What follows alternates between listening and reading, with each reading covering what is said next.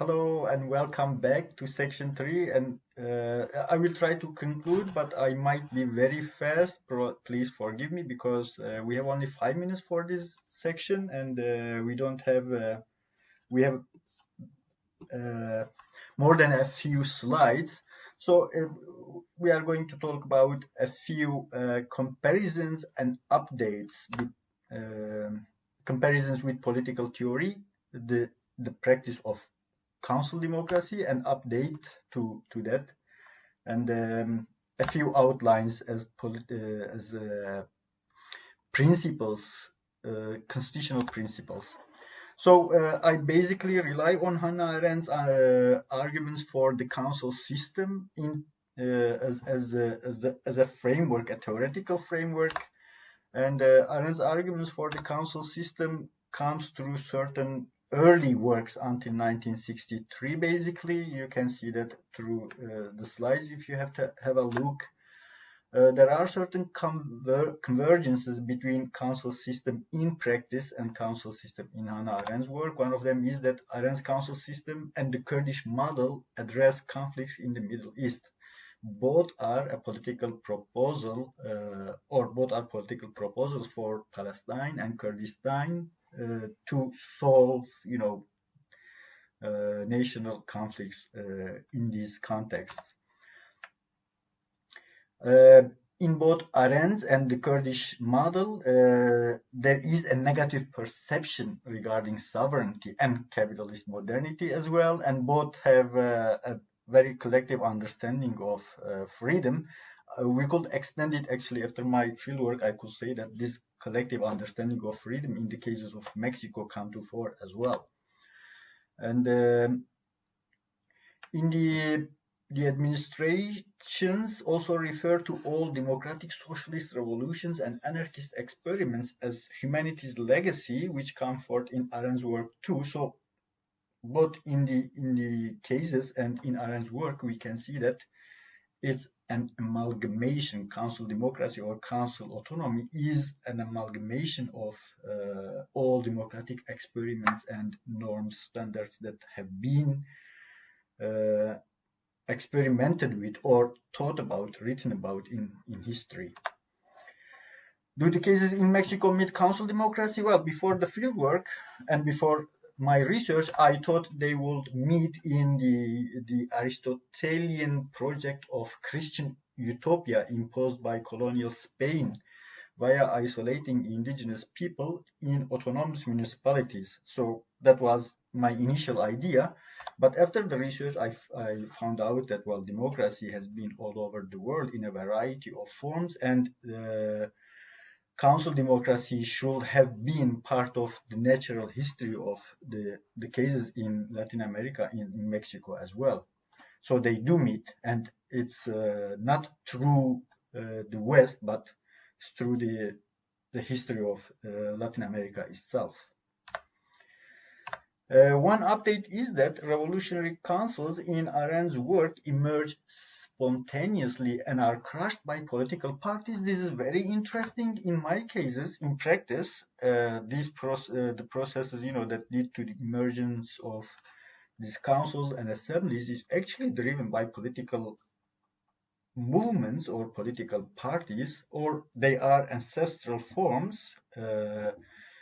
Um, in the in the case of Rojava, but in the case of Mexico, yes, uh, political parties and council system are uh, very much separated from one another.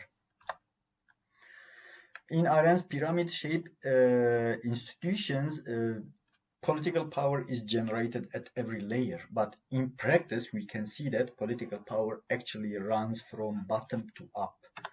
Just to uh, show you this, this is uh, the political power in a representative system that goes from top to down. In the case of Rojava and other cases as well, it goes from bottom to up. We have seen it. So there is finally outlined a few principles to talk about. Uh, they all three cases inspire struggles for democracy in, in their regions and in the globe. They help restore, restore dignity to politics and democracy because there is a diminishing trust in political class, a diminishing trust in democratic institutions, and there is a phenomenon of democratic backsliding all over the world. But in these cases, they restore the, their faith in politics and in democratic institutions. And they are not utopian, so they do not try to impose their one ideology, their utopia upon the people. They expect and try to have people to accept their, uh, let's say, their political project uh, through convincing uh, or through, let's say, in, in, some cases they will say uh, education or um, academias. They they have certain uh, educational institutions try to reach people and uh, convince them that their political project is better than their rivals few novel democratic principles. We will go one minute or so over, but it's important to uh, point out that we the peoples in their project replaces we the people. So diversity comes in instead of a unified monistic national identity. There is a rejection of majority minority. And in all of these cases, they say if our project is, you know, implemented, uh, then we don't have to worry about minority majority divide. Everyone will be ruling themselves through councils and autonomous uh, and assemblies. There is also uh, the concept of autonomy replaces sovereignty. Sovereignty is domination. The same thing with domination. It's in theory and in practice as well. And autonomy means uh, just uh, political freedom in in in uh, in its, uh, let's say, political form or its council autonomy form. Equality between plural sides of power, it replaces the understanding that there should be a supreme authority deciding about certain issues. No, they say, well, issues could be decided by local sides of power, plural sides of power.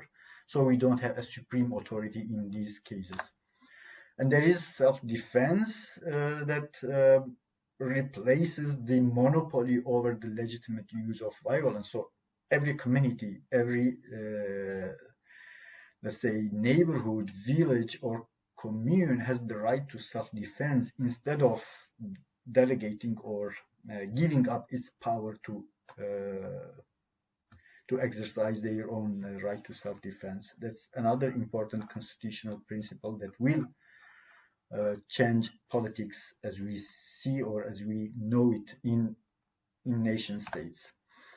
And there is direct delegatory and consensual or consultative democracy. It replaces representative democracy. We have talked about it but consensus again uh, should be emphasized.